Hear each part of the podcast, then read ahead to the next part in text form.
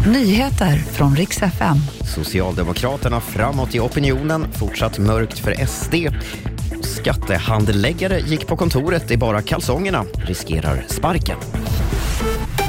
God morgon. För femte månaden i rad är Sverigedemokraterna mindre i opinionen jämfört med resultatet i valet i höstas. Det visar den senaste mätningen från Aftonbladet Demoskop. 18,6 procent skulle rösta på SD om det vore val idag. För Socialdemokraterna går det bättre. Stödet för dem är 34 procent, vilket är den högsta siffran sedan 2014. I natt höll USAs president Joe Biden sitt årliga State of the Union-tal. I drygt en timme målade han upp bilden av ett land som förbättrats kraftigt sedan han tillträdde för två år sedan. Biden vädjade till republikanerna i kongressen om att samarbeta för att återuppbygga ekonomin och ena landet.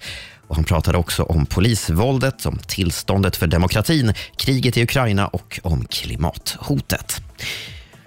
Och sist ska det handla om en man som jobbar på ett skattekontor någonstans i Mellansverige och som nu riskerar att få sparken. Han ska nämligen vid upprepade tillfällen ha gått, gått runt i kalsonger på jobbet.